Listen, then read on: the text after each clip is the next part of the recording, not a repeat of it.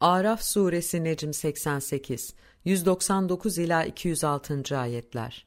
Sen affı, malın fazlasını al. Urf, örf, Kur'an ayetleri öbeğiyle emret ve cahillerden de mesafeli dur. Eğer sana şeytandan bir vesvese gelirse de hemen Allah'a sığın. Kesinlikle O en iyi işiten, en iyi bilendir.'' Kendi kardeşleri onları sapıklığa sürüklediği ve bırakmadığı halde şüphesiz Allah'ın koruması altına giren şu kimseler kendilerine şeytandan bir vesvese, karanlık kuruntu, sırnaşma gibi bir tufan iliştiği zaman hatırlarlar, düşünürler. Sonra bir de bakarsın ki onlar görüp bilmişlerdir. Onlara bir ayet getirmediğin zamanda kendin onu uyduruverseydin ya derler.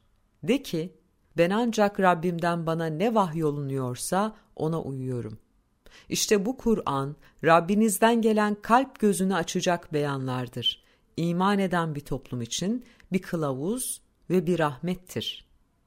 Ve esirgenmeniz için Kur'an öğrenilip öğretildiği zaman hemen ona kulak verin ve susun. Ve her zaman kendi içinden korkarak ve alçala alçala, yüksek olmayan bir sesle Rabbini an ve umursamazlardan olma. Şüphe yok ki Rabbini iyi tanıyan kişiler Allah'a kulluk etmekten büyüklenmezler. Onu her türlü noksanlıklardan arındırırlar ve yalnızca ona boyun eğip teslim olurlar.